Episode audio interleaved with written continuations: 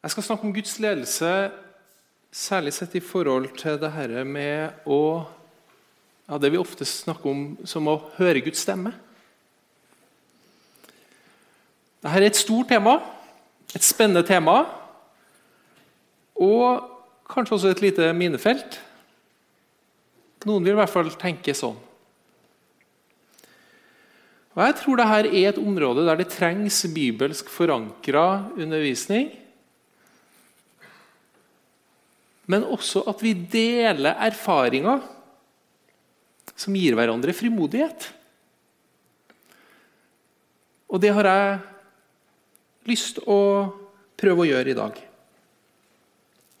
Så vil jeg også underveis prøve å rydde noen minner der jeg kanskje tror det er nødvendig. Gud vil lede dem som hører han til. Gud er en Gud som vil lede sitt folk på rett vei. Det ligger så å si i hans vesen, hans natur. Helt fra utvelgelsen av Abraham har han åpenbart seg som en slik Gud. Og Han gjorde Israel til sitt eiendoms- og demonstrasjonsfolk gjennom å føre dem ut av fangenskapet i Egypt og inn i det lova landet. Og Han ga dem ikke bare bud og forskrifter der på fjellet og sa 'følg dem'. Han gikk også med folket sitt og sa 'følg meg, jeg skal vise vei'. Gjennom ei skysøyle om dagen og ei ildsøyle om natta.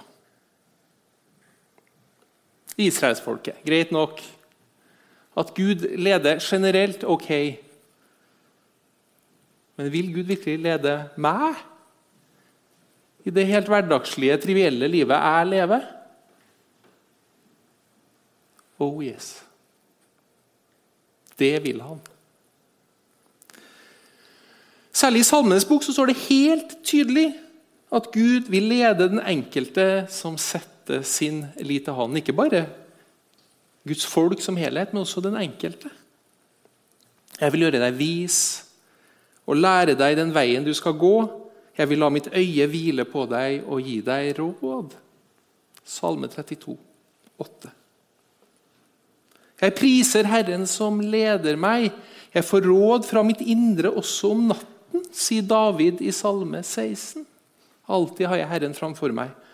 Han er ved min høyre side. Jeg skal aldri vakle. David priser Herren for at han leder gjennom å gi råd til hans indre. Merke oss det. Og I Salme 25 så leser vi Vær den som frykter Herren. Vær den som frykter Herren. Lærer av ham den vei han skal velge. Herren taler fortrolig med dem som frykter ham. Han gjør dem kjent med sin pakt. Det er altså et løfte til enhver som lar Gud være Gud og setter sin lit til Han, som er gudfryktig, at Herren vil lede. Det er en del av det nære, fortrolige fellesskapet som Han vil ha med oss. Han vil tale til vårt hjerte, lukke oss inn i sine planer og tanker. Et av privilegiene er å være i et paktsfellesskap med Han. Han gjør dem kjent med sin pakt. Gud er en hyrde, en gjeter, for sitt folk. Bibelen kommer jo til, stadig tilbake til dette bildet både i Gamle testamentet og i Det nye testamentet. Og En gjeter er jo en som leder og passer på saueflokken så den holder seg der det er trygt, og finner beite. Kommer frem der den skal. Der saueflokken skal. Men veldig ofte i eh, Særlig Det gamle testamentet så er dette med Gud som hyrde også kobla til at han er jo den store kongen. Som er sitt folks hjelper og forløser. Han som fridd, leda israelsfolket gjennom ørkenen, han er også den konge som forløser dem. Alt står i hans makt. Og når, Også når de ytre omstendighetene synes å tyde på det motsatte. Og det gjorde de jo ofte der ute i ørkenen. Men han viste seg som den store utfrieren. Jeg er den gode gjeteren, sier Jesus. Mine sauer hører min stemme. Jeg kjenner dem, og de følger meg.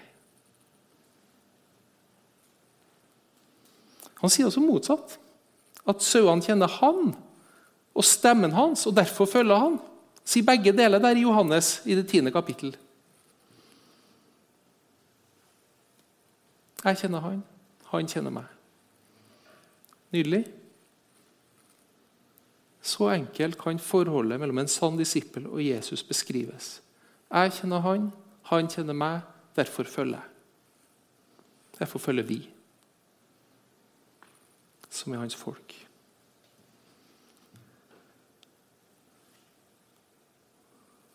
Og det som følger han vil vise, vil, vil, vil eh, finne ut at han er trofast.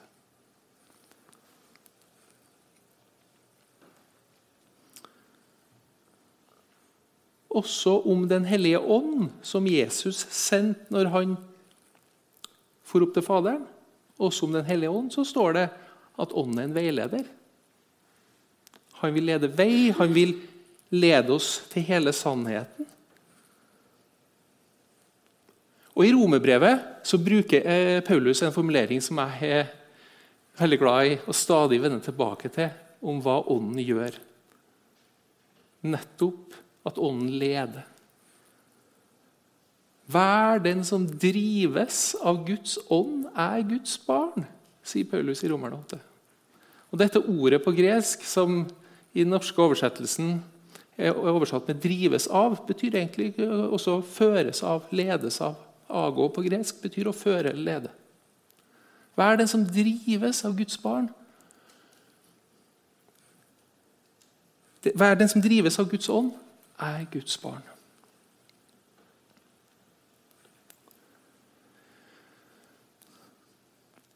Å høre Guds stemme det er et uttrykk som eh, er ganske mye brukt i dag. Mye, en hører ganske mye oftere enn kanskje bare for en, en generasjon siden i kristne sammenhenger. Jeg vet ikke hvordan det uttrykket lander i deg, å høre Guds stemme. I noen kristne miljøer så bruker en det med det største selvfølgelighet. En er lært opp til og er veldig opptatt av å lytte til Gud for det ene og det andre. Altså indre, en, en type indre lytting. I andre sammenhenger så er en mer forsiktig, kanskje til og med skeptisk. Hvem er du liksom, som gir deg ut for å høre fra Gud? Det er en måte å si det på som oppleves flere nummer for stort for ganske mange. Kanskje er en også redd for at trua skal bygge, eh, bygges på subjektive inntrykk og følelser i stedet for på de objektive sannhetene i Guds ord. Når en er på en måte litt sånn ambivalent, eller kanskje til og med skeptisk til den måten å formulere seg på. Jeg tror noen ganger at vi, en kan snakke forbi hverandre her. Eh, fordi at vi assosierer ulike ting til uttrykket, og kanskje også legger ting i det som ikke nødvendigvis andre legger i det når de bruker det. Og Har en en veldig sterk skeptisk mot dette, her, så kan det noen ganger også skyldes et slags indre selvforsvar. Fordi at en, en kjenner at en har litt få opplevelser. Eller fordi at en også har sett misbrukene og avsporingene. For de finnes. Det fins måter å snakke om dette med å høre Guds stemme på som sporer av, og som ikke er bygd på et sant og godt fundament. Men dette er et område der jeg vil si at det går an å kaste ut det berømmelige barnet med badevannet. Sjøl så liker jeg gjerne å bruke litt ulike formuleringer om dette. Her, men i dag så tror jeg jeg vil starte med en litt ja, en, en, en, formulering som tar, altså en måte å beskrive dette på som tar ned ambisjonsnivået litt i forhold til dette med å høre Guds stemme. Jeg kan snakke om den indre veiledninga som Ånden vil gi oss som Guds barn. Og som vokser ut av at vi lever i et fortrolig fellesskap med Herren. Vi har jo boka. Vi har det skrevne ordet, og det forhold. Det kan høre noen si når dette temaet kommer opp. Og Da vil jeg svare. Å kjenne Guds ord, kjenne Bibelen, er helt fundamentalt i det kristne livet generelt og også i forhold til dette med å ledes av Gud. Dette er den grunnleggende veiledninga. Vi lærer hvem Gud er, og hva hans vilje er på et overordna plan, gjennom å fordype oss i Guds ord i Bibelen. Og det må ligge i bånn. Og det blir vi aldri ferdig med. Å leve ledet av Gud er ikke en individualistisk følg deg fram i ditt indre-reise med Gud. De som hele tida er ute etter å høre Guds stemme uten å ha planta røttene i Skriftens veiledning, bedriver åndelig risikosport og vil veldig lett gå vill. Så sterkt vil jeg si det. Og det er en fare i en del sammenhenger i dag. Men på den andre sida så er ikke det å være kristen å forholde seg til noen prinsipper i bok som en prøver så godt en kan å virkeliggjøre i egen kraft og makt. Å være kristen er å være et Guds barn, drevet av Den hellige ånd. Sier jo Paulus.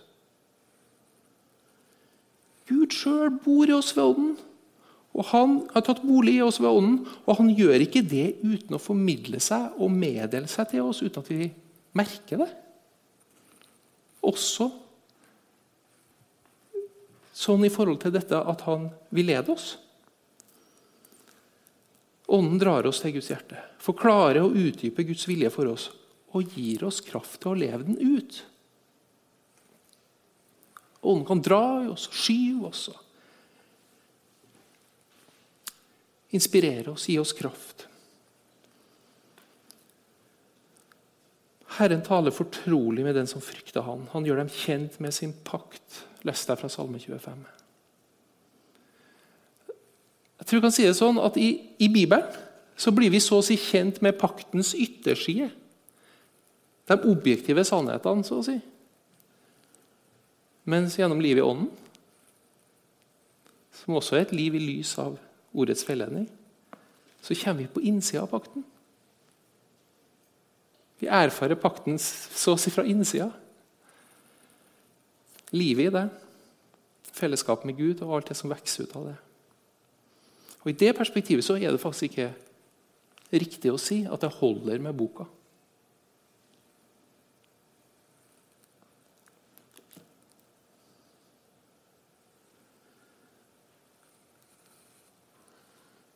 Hvorfor vil Gud lede oss? Det er et spørsmål som vi stiller litt for sjeldent, tenker jeg.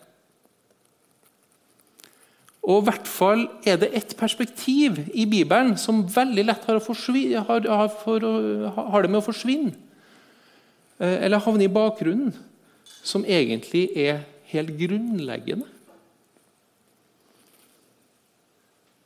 Du ledet ditt folk for å skape deg et herlig navn står det om Guds ledelse av israelsfolket gjennom ørkenen og inn i det lovede land i Isaiah 63.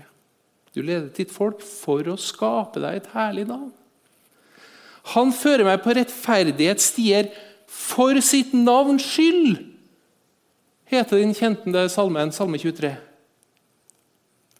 For sitt navns skyld. Ikke først din skyld for din skyld det kommer faktisk i andre rekke.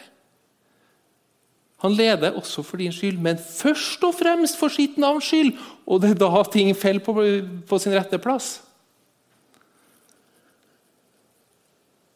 Ikke misforstå meg. Å ha Herren som hyrde er den tryggeste og mest velsigna posisjonen du kan være i på denne kloden. Men han leder sitt folk både kollektivt og enkeltvis for å herliggjøre sitt navn. For å fremme sin vilje og sitt rike gjennom oss. Og når han blir stor, når hans rike bryter igjennom, da havner vi også på den rette plass, for å si det, å si det slik. I dag er det en tendens til at vi løsriver dette med å høre Guds stemme fra denne større sammenhengen. Særlig i de sammenhengene der en blir veldig opptatt av åpenbaringene og opplevelsene i forhold til dette med å høre Guds stemme i seg sjøl. Det kan være kobla sammen med en mentalitet når det gjelder livet med Gud, hvor vi tenker at vi egentlig, i hvert fall sånn dypest sett, at vi sitter egentlig med svaret på hva som er best for oss. Og så venter vi at Gud skal stille opp. Bare vi får en ders velsignelse her og en ders guddommelig bekreftelse der, så er vi egentlig ganske fornøyd. Og føler oss ganske åndelig.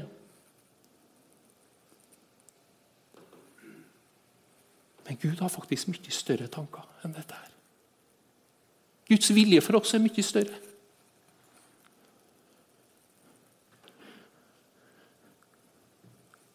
Den gode hyrden ber dem om å følge Han. Han ikke bare viser veien, han er veien, sannheten og livet. Og det er først når du skjønner det, at han er selve livet. At selve livet er å følge han, uansett hvor det måtte lede. Og overgir deg til han. Det er først da at dette med Guds ledelse for alvor kan bli en dyp realitet i livet. Og Da handler det ikke først og fremst om deg, men om at han og hans rike kan få bryte igjennom i deg og gjennom deg.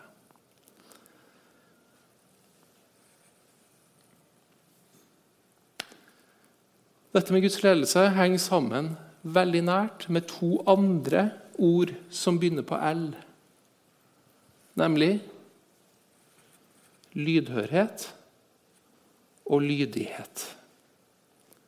Lydhørhet og lydighet. Det Gud dypest sett vil med oss som følger Han,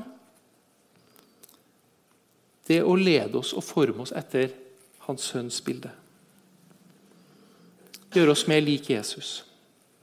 Og han forme oss ved å lede oss.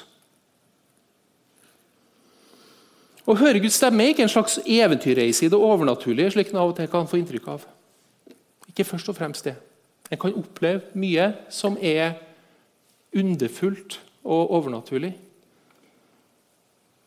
Men det er ikke først og fremst en eventyrreise i det overnaturlige.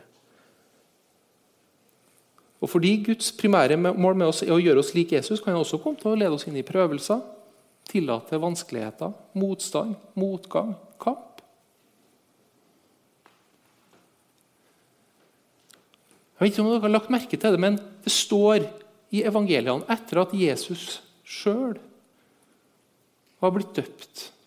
Faderen hadde sagt til ham, 'Du er min sønn, den elskede. I deg har jeg min glede.' Og ånden hadde kommet nedover ham klar til tjeneste. Hva er det første ånden gjør? Det første ånden gjør, er å føre Jesus ut i ørkenen for at han skulle bli prøvd eller frista av djevelen. Ånden, er det som står. Ånden førte han ut. Det var det første ånden gjorde. I hans tjeneste. Og Den som følger Jesus, må være opp, forberedt på å oppleve noe av det samme. Men vit det. Hvis han gjør det, så er også det til vårt beste.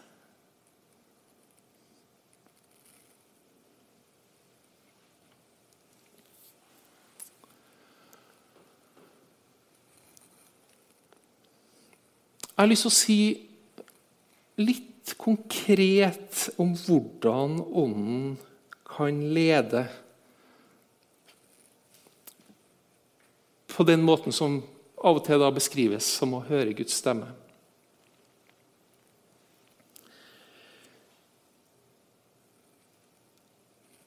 Den hellige ånd kan ta til oss på, på ulike måter. Eh, men det jeg altså nå først og fremst vil fokusere på, det er sånne ting som også kan eh, beskrives som indre fornemmelser, tilskyndelser. Eh, I tidligere tider snakka man gjerne om minnelser. Jeg har lyst til å gå litt inn i det feltet der. Eh, trekke veksler både på min egen erfaring og ting jeg har hørt og lært av andre. Ja, hva er dette her for noe? Hva er det for noe? Fordi vi opplever det litt forskjellig, så må jeg på en måte komme med litt eksempler. Det kan være en tanke, en innskytelse, et innfall, som kanskje særlig står fram med en særlig klarhet.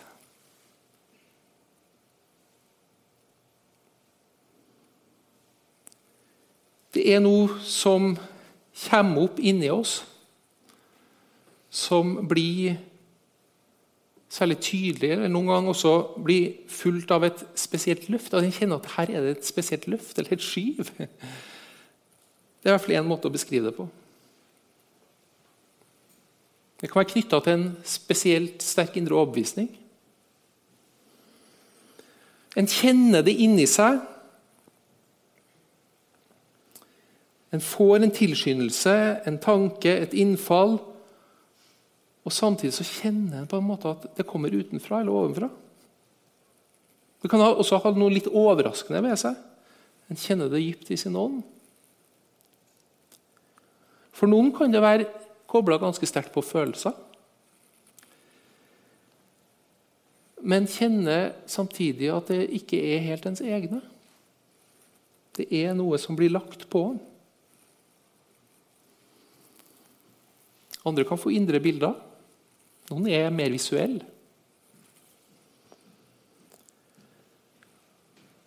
Sjøl kan jeg oppleve at dette arter seg litt ulikt i ulike situasjoner jeg står i. Men for meg så handler det faktisk ganske ofte om en dyp intuisjon. Om hva jeg skal gjøre eller si når jeg står oppi noe. Og jeg, jeg kjenner at dette er noe som ikke bare er meg. Ehm, jeg bare vet hva som er rett, og hva jeg må gjøre.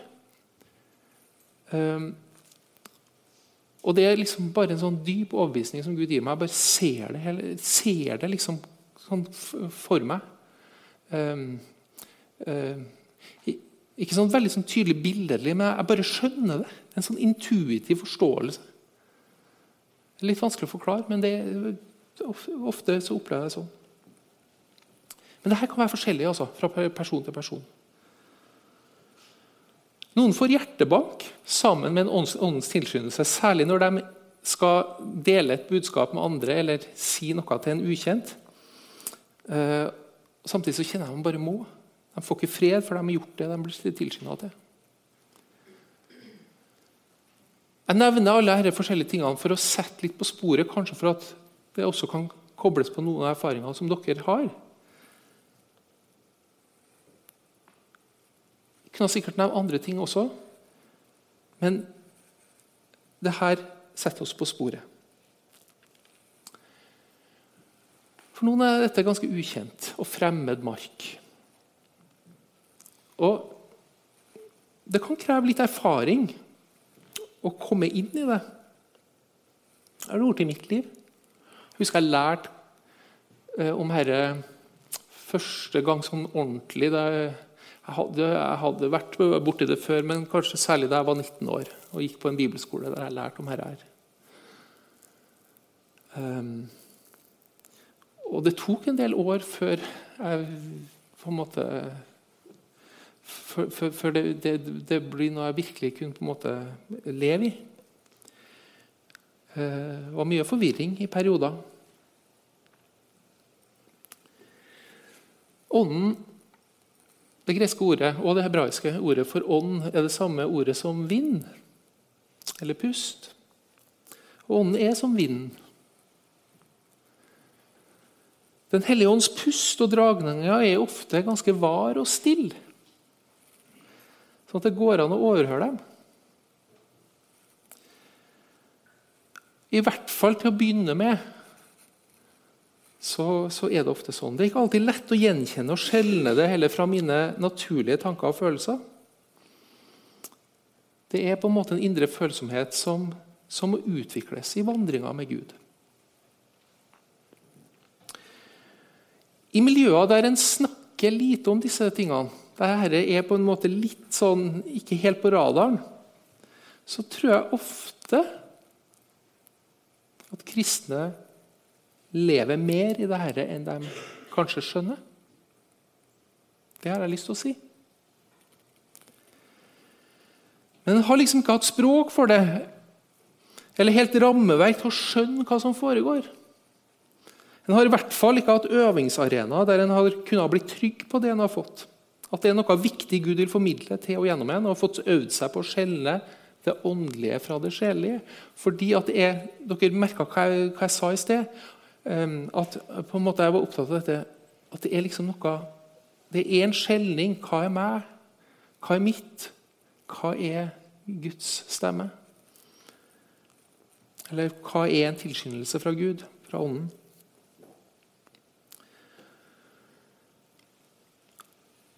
Um, hvis dette snakkes lite om, hvis en har få øvingsarenaer, så tar en kanskje ikke så frimodig imot det som egentlig er der, som en burde.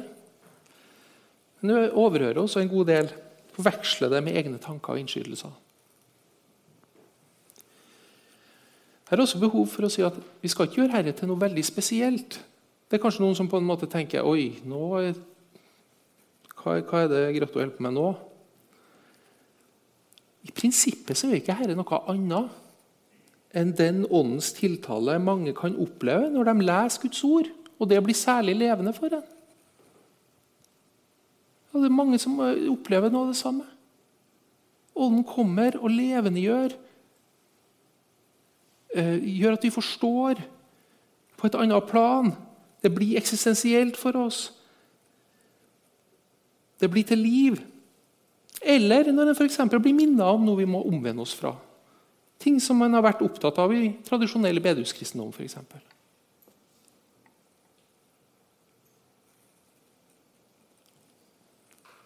For noen tror jeg det kan være hjelp å si en spesiell ting. Ånden opererer ikke minst gjennom det intuitive og det billedlige. Den hellige ånd bruker ikke minst vår innlevelses- og forestillingsevne når han vil formidle noe til oss.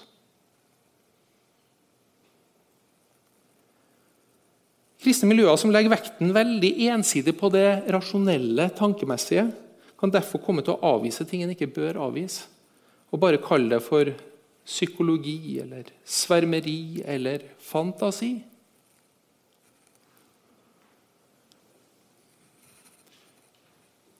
Der Ånden er, er det også frihet. Og åndens, og åndens, frie løp i kristne fellesskap kan også hemmes og hindres gjennom sterk kontroll.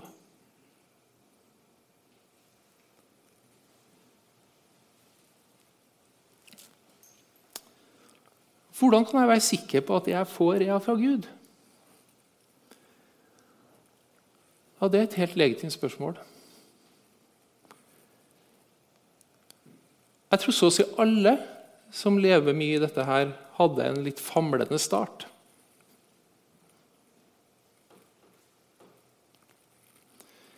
I begynnelsen lurte han gjerne på om det var ens egne tanker og innskytelser. Men ved å prøve ut og gå i tru, så skjønte han etter hvert hva som var det ene og det andre. Kanskje var det andre som bekrefta det? Andre mennesker? Kanskje fikk, ble, ble, lydigheten mot åndens tiltale bekrefta av store ting Gud gjorde. Helt sånn Wow! Det herre Jeg gjorde herre i tro. Jeg gikk i tro, i lydighet. Og så ser jeg Dette ble til velsignelse. Her skjedde noe i menneskers liv. Eller her, her, her, dette, dette, dette bar frukt. Det var frukt for Guds rike.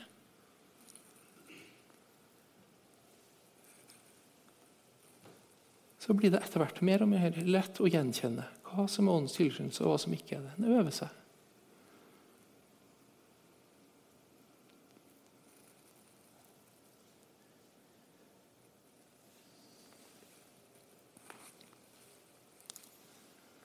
Her om dagen så hørte jeg en kristenleder med bakgrunn fra et miljø der det her med å høre Guds stemme nærmest er en del av barnelærdommen. Og fordi det er det, så var det spesielt sterkt å høre. Han delte veldig ærlig at eh, han i mange år hadde strevd veldig med dette uttrykket å høre Guds stemme.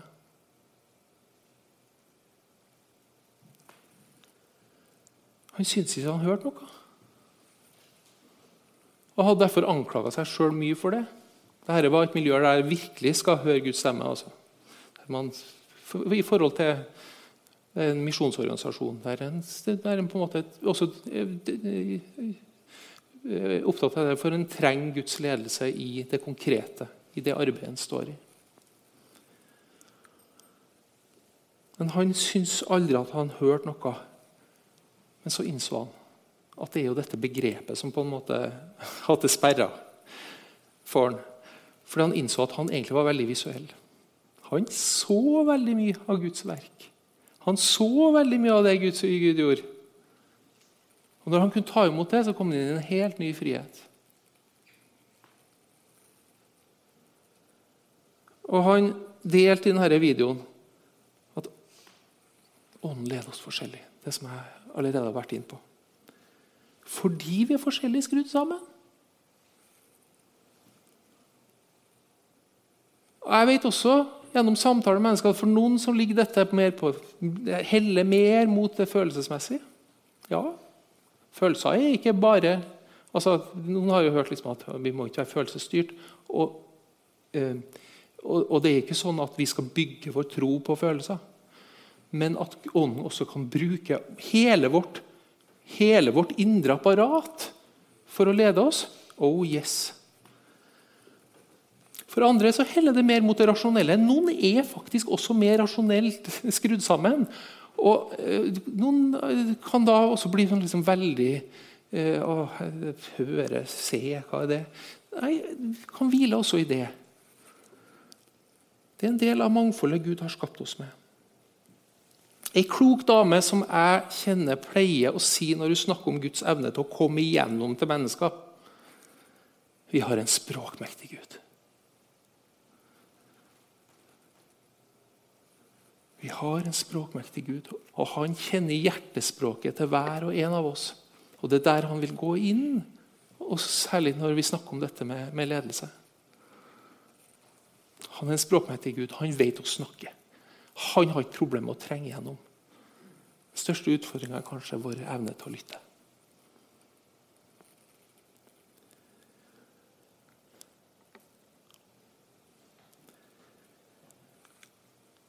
Noen ser også mer inn i det åndelige enn andre. Noen er mer sensitive i forhold til det åndelige. Um, jeg kjenner en i Sverige som faktisk har skrevet en bok om akkurat det. Han snakker om eh, et begrep, han bruker et begrep, et litt teknisk begrep da, som heter medialitet. At Noen er mer sensitive i forhold til den åndelige virkeligheten enn andre. Og jeg tror han har rett.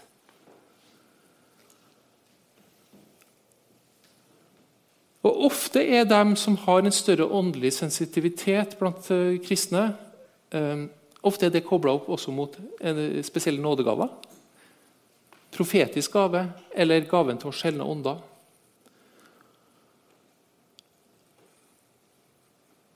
Og Av og til så leder jo også Gud med, gjennom mer kraftfulle åpenbaringer, sånn som visjoner og drømmer og profetiske eh, budskap.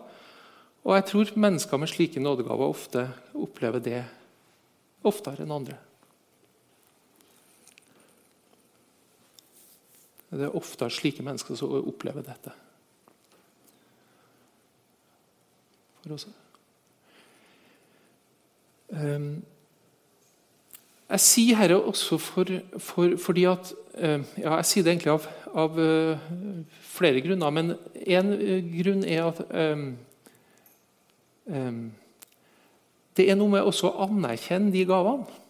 Og de menneskene som har den type sensitivitet, at det er viktig på en måte å forstå at Gud ønsker å bruke dem, ikke minst i, i menigheten.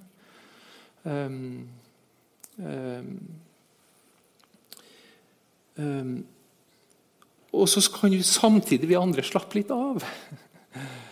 Eh, om vi, vi, Noen kan kjenne at ja, vi er ikke åndelige nok, liksom. Men det, det, tror jeg ikke vi skal tenke. Og Her er vi også ved et kjempeviktig poeng. Gud gir oss det han ser vi trenger. Gud gir oss det han ser vi trenger.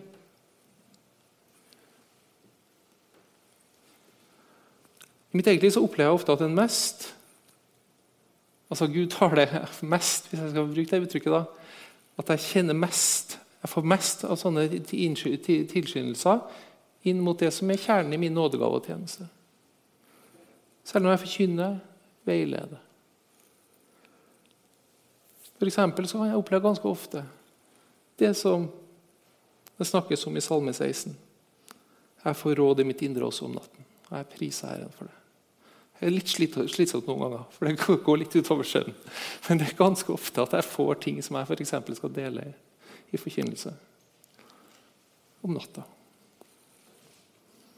Og det er bare, Jeg kjenner bare det lever i meg.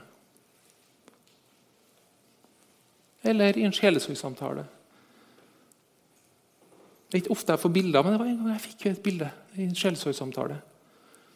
Jeg bare så for meg vedkommende jeg snakka med. At hun dansa. Så delte jeg med henne. Spurte om det ga mening. Og der og da var vi rett inn i kjernen i noe av hennes livssmerte. Noe som hadde ligget der og verka. Gud hadde sett det. Og bildet ga en nøkkel som åpna opp til noe som var stengt. Så vi kunne snakke om det og be inn i det.